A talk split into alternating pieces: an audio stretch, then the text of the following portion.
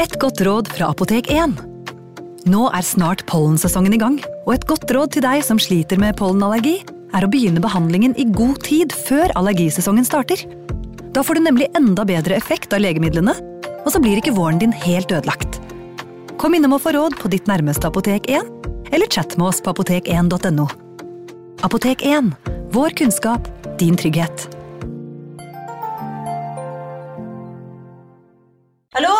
Jeg kommer fra Oslo politikammer. Ine Jansen er purk. Er du purk? The motherfucking bitch. Alt jeg vil, er å finne ut hva som skjedde med mannen min. Jon Carew. Er jeg sikta for noe? Iben Akeli. Det er du.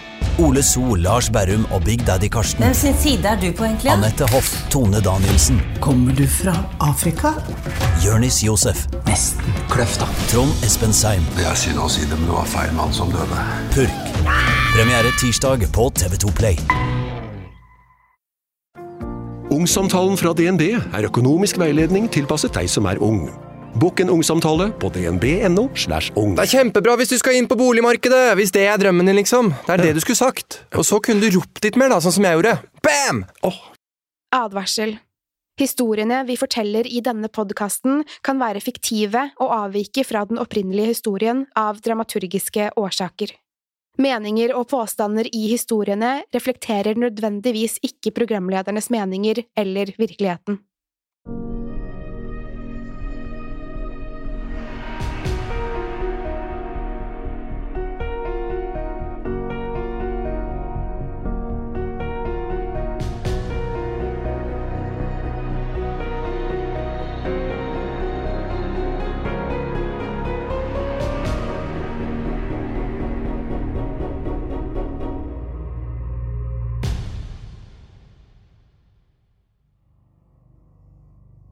Aldri sett på meg selv som en spesielt nysgjerrig person.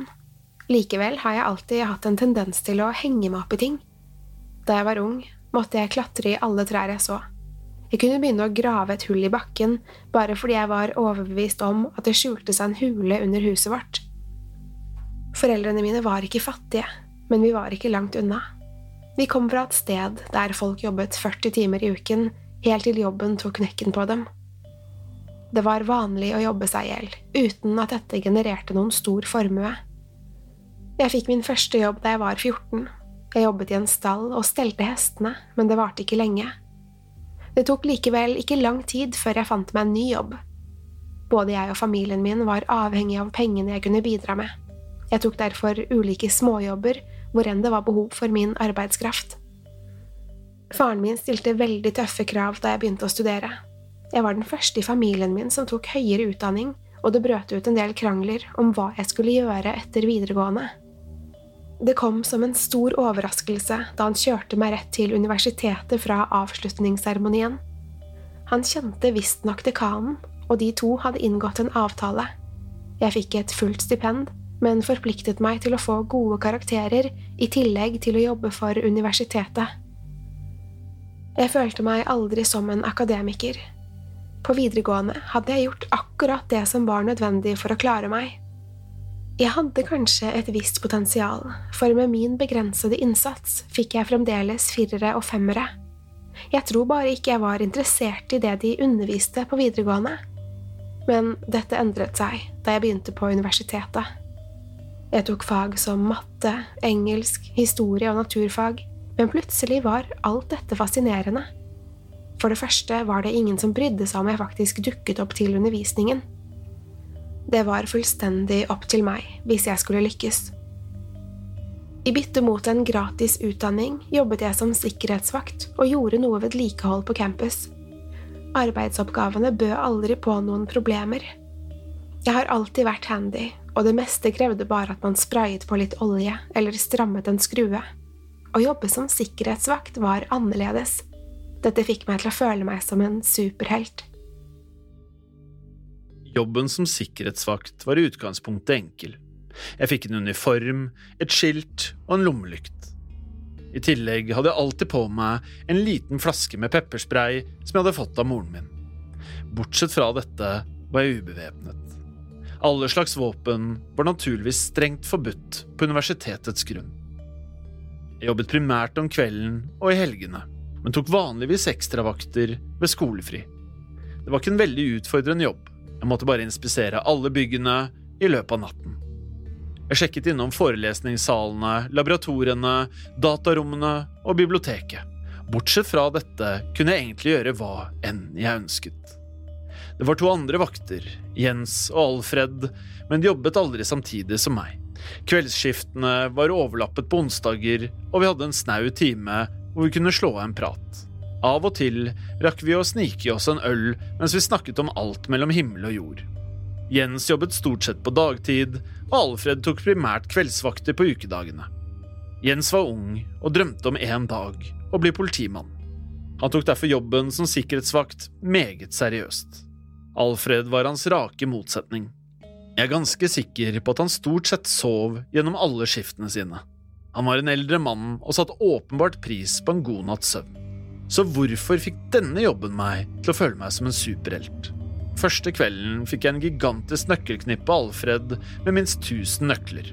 Det må ha veid flere kilo, og jeg var nødt til å gå rundt med dette knippet i beltet mitt. Ikke mist de nøklene, sa Alfred. Du bærer på nøklene til kongeriket. Hvis det er en dør de ikke åpner, vil du neppe vite hva som er på den andre siden. Det var en ganske intetsigende jobb, men jeg klarte likevel å underholde meg selv. På lange, iskalde kvelder moret jeg meg selv med å utforske de store byggene. Hver kveld prøvde jeg å åpne en ny dør for å se hvor jeg endte opp.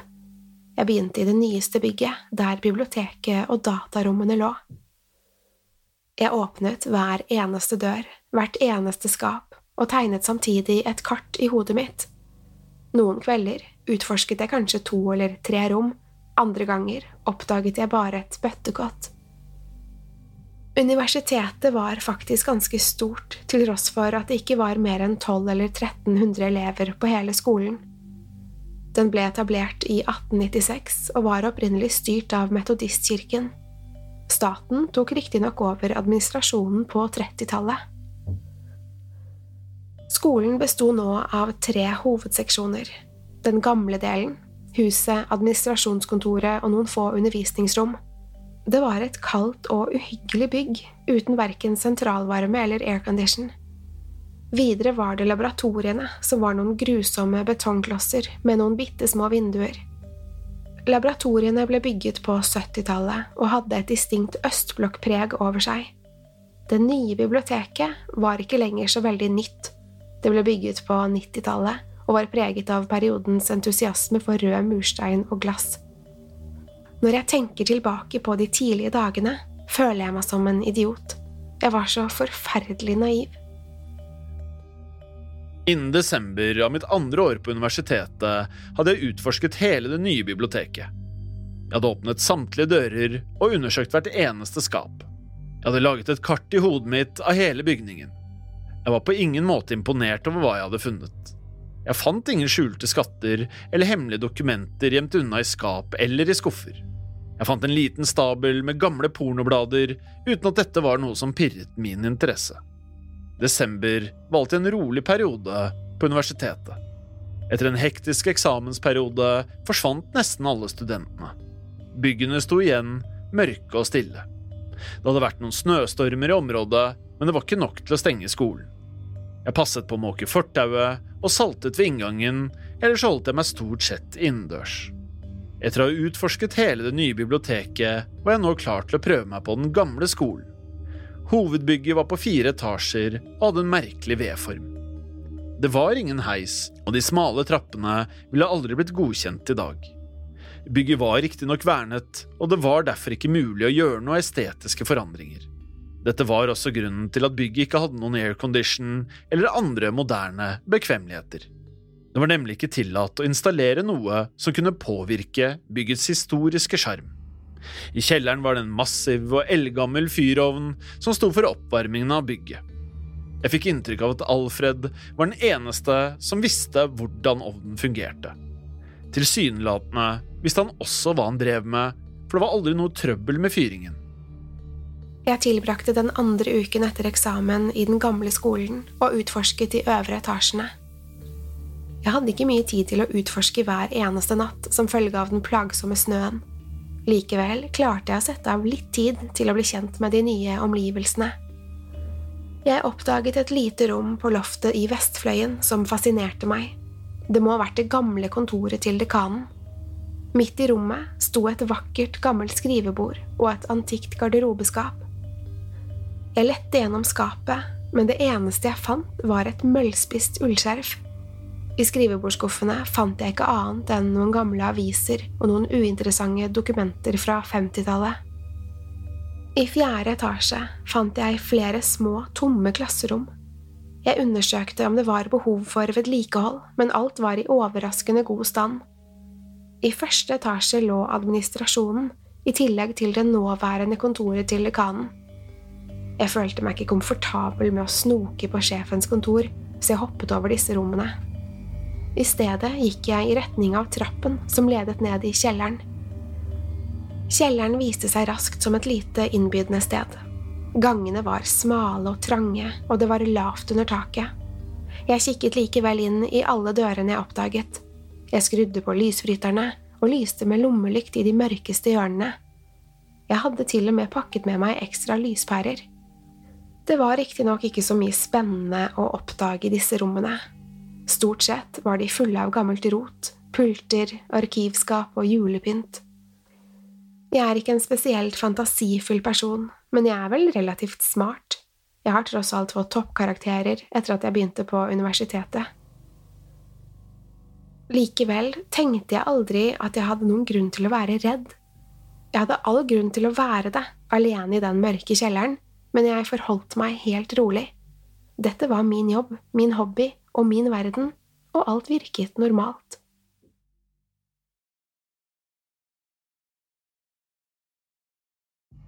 Da det ble den 20. desember, hadde jeg kommet meg hjem helt til fyrrommet. Ovnen var en gigantisk konstruksjon bestående av jern, muttere, rør og ventiler. Det var uutholdelig varmt i fyrrommet og tilsvarende høylytt. Det var riktignok både rent og ryddig. Jeg regnet med at dette var Alfreds fortjeneste. Jeg hadde ikke tenkt å tilbringe mye tid i fyrrommet, jeg hadde tross alt vært her flere ganger tidligere. Jeg var i ferd med å forlate rommet da jeg fikk øye på en dør på baksiden av fyringsovnen. Det var første gang jeg hadde lagt merke til denne døren, noe jeg syntes var litt merkelig. Døren var lav og malt i samme farge som veggene. Den var støpt i metall, akkurat som de andre dørene i kjelleren. Nysgjerrigheten tok overhånd, og gikk bort for å kjenne på døren. Jeg fikk med det samme følelsen av at jeg gjorde noe galt. Jeg visste at jeg burde holdt meg unna døren, men jeg klarte ikke å styre meg. Dørhåndtaket beveget på seg, men døren var låst. Jeg tok en nærmere titt og så et lite nøkkelhull ved håndtaket. Jeg fant frem nøkkelknippet og begynte å prøve meg frem. Jeg trodde det ville ta en liten evighet å finne riktig nøkkel, men det tok bare tre forsøk. Jeg dro så opp døren og klatret gjennom åpningen. Jeg fant en lysbryter, men lyset ville ikke skru seg på. Heldigvis hadde jeg med lommelykten min samt ekstra lyspærer. Jeg fant en lampe i taket og erstattet den gamle pæren. Endelig kunne jeg orientere meg skikkelig. Gangen var trang og den var smal, men ikke spesielt lang. Den ledet til en ny dør bare noen meter unna. Jeg åpnet den neste døren og oppdaget enda en trapp. Jeg ble oppriktig overrasket. Ingen hadde nevnt at det var en enda dypere kjeller i dette bygget. Hårene i nakken min reiste seg da jeg begynte å gå ned trappene. Det var helt vanlige trapper, og de lignet de andre i bygningen. Jeg gikk helt ned til bunnen, hvor jeg fant nok en dør. På andre siden av denne døren var det enda en gang. Den var lang og smal, og det var dører på begge sider. Den første døren på venstre hånd var ulåst. Nysgjerrigheten hadde tatt fullstendig overhånd nå. Jeg følte en trang til å utforske alt jeg kom over. Det første rommet skjulte riktignok ikke noe veldig spennende. Det så ut som en liten bod, og jeg så ikke annet enn bøker, noen pulter og gammelt rengjøringsutstyr. Døren på andre siden var heller ikke låst, men den var vanskeligere å åpne. Jeg måtte bruke alle mine krefter for å skyve den opp. Bak denne døren skjulte det seg et klasserom. Det var pulter, en tavle og gamle plansjer om anatomi og biologi. Alt var dekket i et tykt lag med støv. Det var åpenbart at ingen hadde vært her nede på veldig lenge. Jeg forsøkte å begripe hvorfor det var et klasserom her nede, mens jeg fortsatte å utforske. Det var flere klasserom i denne gangen, de var dekket av støv, men ellers var de tomme. Bortsett fra dette fant jeg et pauserom og et par toaletter. Jeg brukte ikke spesielt lang tid på å undersøke disse rommene. Alle lyspærene hadde gått, og jeg var ikke interessert i å bytte ut alle sammen. Etter hvert begynte jeg å føle meg litt nervøs. Jeg var i en merkelig del av skolen, og jeg var helt alene på jobb. Jeg forsto ikke hvorfor denne delen av bygget eksisterte. Det føltes så bortkastet å gjemme bort en hel etasje på denne måten. Da jeg nådde enden av gangen, kom jeg til nok en dør. Jeg åpnet den, bare for å finne en ny trapp. Jeg hadde ventet at denne ledet meg opp fra kjelleren, men trappen fortsatte bare lenger nedover. På dette tidspunktet begynte jeg å føle meg redd. Jeg kunne ikke begripe hvorfor denne delen av bygget eksisterte. Jeg burde ha fulgt magefølelsen og bare snudd. Jeg burde ha latt som jeg aldri fant døren i fyrrommet, og fortsatt på runden min. Men som vanlig tok nysgjerrigheten over, og jeg fortsatte ned trappen. Det var ingen lys, og trappen virket eldre og i dårligere stand enn resten av bygget. Den var også mye lenger enn de andre trappene. Da jeg hadde gått i noen minutter, begynte jeg å telle trinnene. For hvert tolvte trinn var det en avsats som ledet til et nytt sett med trappetrinn. Jeg fortsatte nedover i det som føltes som en evighet. Til slutt kom jeg til enda en dør. Denne var ulåst, og det var overraskende enkelt å åpne den. Jeg kjente langs veggen etter en lysbryter, men fant ingenting. Jeg pekte lommelykten rundt meg, men kunne ikke se noe som fanget interessen min. Jeg innså med det samme at dette rommet var annerledes. Dette var ikke en gang, det var en gigantisk hall, og jeg hadde ingen anelse om hvor stort dette rommet var. Jeg rygget tilbake mot døren. Det føltes ubegripelig. Dette rommet kunne ikke eksistere. Jeg tenkte at jeg burde snu og klatre opp trappene, likevel var det noe som drev meg fremover. Jeg tok et steg og så et steg til mens jeg fortsatte innover i rommet. Hjernen min skrek at jeg burde stanse, men jeg klarte ikke å styre meg. Jeg brukte lyset fra den åpne døren til å orientere meg, og så lenge jeg kunne se døren, visste jeg det minste hvor utgangen var. Jeg så et par hundre meter da jeg fikk øye på et svakt lys i det fjerne. Lyset ble stadig sterkere jo nærmere jeg kom. Ikke flere minutter før jeg kunne se at det kom fra en lyspære som hang foran en dør. Denne døren skilte seg ut fra de andre. Den var gigantisk, i hvert fall fire meter høy og et par meter bred. Overflaten var av svart metall med kraftige hengsler. Det sto noe på døren, men det var på et merkelig språk som jeg ikke klarte å tyde. Det var også en slags låsemekanisme midt på døren med flere underlige symboler. Jeg snudde meg og kunne fremdeles se det svake lyset fra utgangen. Ellers var jeg omringet av mørke. Jeg fant frem nøkkelknippet og begynte å studere de mange nøklene. Til slutt fant jeg en rusten, gammel nøkkel som så ut til å passe i den massive jerndøren.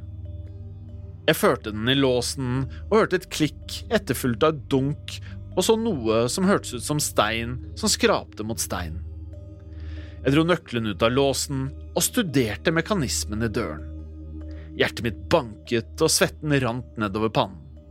Jeg vred på mekanismen helt til hjulet stanset. Jeg kunne høre et smell før det hørtes ut som noe revnet. Deretter ble det helt stille. Mørket som omringet meg, føltes ikke lenger tomt. Det føltes nesten som om hele rommet var fylt opp av tilskuere. Jeg tok så et steg tilbake og lyste rundt meg med lommelykten. Jeg kunne ikke se noen ting, og jeg var fremdeles alene i rommet. Nysgjerrigheten grep tak i meg, og jeg returnerte til døren. Jeg grep tak i håndtaket og fortsatte å vri. Jeg brukte alle kreftene mine og dro helt til mekanismen sluttet å bevege seg. Dette utløste et nytt smell, og plutselig begynte døren å åpne seg. Ut av åpningen kom det en ubegripelig stank. Jeg slapp håndtaket og ramlet bakover. Jeg pekte så lommelykten mot den mørke dørsprekken. Jeg kunne se en kort gang som ledet inn til et lite rom og en rusten dør. Jeg så beinrester og følte samtidig en ekkel tilstedeværelse. Det var noe mørkt der inne som lommelykten bare prellet av. Det beveget seg mot meg i full sprint mens det hylte vilt. Jeg husker hoggtennene som lyste opp i mørket. Jeg så fjær og en hånd med altfor mange fingre. Men stanken var nesten det verste. Det var lukten av død, noe som hadde vært innesperret altfor lenge. Snart så jeg også vinger. Jeg vet ikke hvor lenge jeg vandret rundt i mørket alene, flere hundre meter under jorden. Det var ingen lyder, ingen måte å holde styr på tiden. Både lommelykten og mobilen var for lengst døde. Det var noe galt med benet mitt. Det merket, men jeg kunne ikke se hva som var galt. Jeg hørte hele tiden publikummet i det enorme rommet. Jeg ropte til dem og følte at noen rørte ansiktet mitt. I desperasjon kastet jeg fra meg lommelykten. Det var noen som lo av meg. Jeg kavet og skrek, men det ledet ikke til noe. Etter flere timer, kanskje dager, fant jeg til slutt utgangen. Det var ingen lys i trappen. Etter å ha klatret i flere år krabbet jeg inn i gangen. Jeg skar opp hendene mine på de knuste lyspærene. Jeg fortsatte å krype bortover og kom til slutt til den neste trappen. Jeg dro meg oppover, helt til jeg var tilbake i fyrrommet. Da jeg sjanglet ut av bygget, to dager senere, var det en blek vinterdag. Hele plassen var full av politimenn. Jeg forsøkte å forstå hva som foregikk, Fem mennesker hadde blitt funnet drept på universitetet. Alle hadde blitt brutalt angrepet, og kroppene deres var revet opp og sløyet. Bitemerkene antydet at de hadde blitt angrepet av et vilt dyr, men det var noe som ikke stemte. Alle ofrene hadde nemlig ord skåret inn i huden. Politiet ville ikke snakke med meg, ikke til å begynne med. Da de så meg sjangle ut av den gamle skolen, dekket av blod, antok de at jeg var gjerningsmannen og arresterte meg på stedet. Men da legene beskrev skadene mine, endret de raskt mening. Jeg hadde bruddskader, jeg var dehydrert og fremdeles i sjokk. Politiet stilte en rekke spørsmål, og jeg svarte etter beste evne. Jeg fortalte dem om døren i fyrrommet og trappene som ledet til kjelleren, men selv med min detaljerte beskrivelse klarte de ikke å finne døren. Jeg var skråsikker, men da de tok meg med til fyrrommet, hadde døren forsvunnet. Da de forsøkte å grave seg gjennom veggen, støtte de bare på murstein, jord og stein. Politimennene lurte på hvor den lange, svarte fjæren kom fra. Den hadde festet seg til kroppen min i størknet blod. Jeg visste ikke hva jeg skulle svare. Verken politimennene eller legene ønsket å se på meg lenger. Ansiktet mitt var dekket av stygge arr.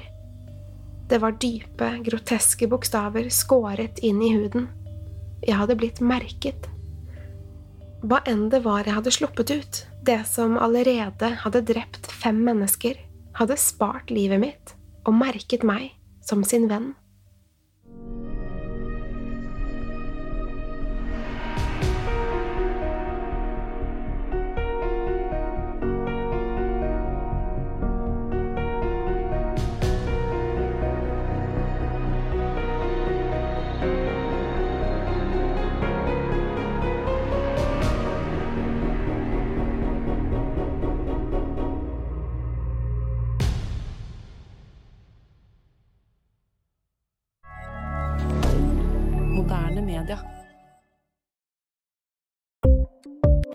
Ukens annonsør er Folio, en smartere banktjeneste for deg som har en egen bedrift eller ønsker å starte for deg selv. Folio er en superenkel nettbank for bedrifter. Som kunde i Folio får du en bedriftskonto med et bedriftskort og app. I denne appen er det smarte løsninger som forenkler regnskapet ditt, uansett om du har en liten bedrift eller et enkeltpersonsforetak. Folio er både intuitivt og brukervennlig, og er laget med et enkelt språk. I tillegg tilbyr de forutsigbare priser og ingen skjulte gebyrer. Skulle du likevel trenge det, så kan du snakke med deres raske og hyggelige kundeservice, og der får du prate med en faktisk person og ikke en chatbot. Folio er med andre ord både enklere og koseligere enn banken.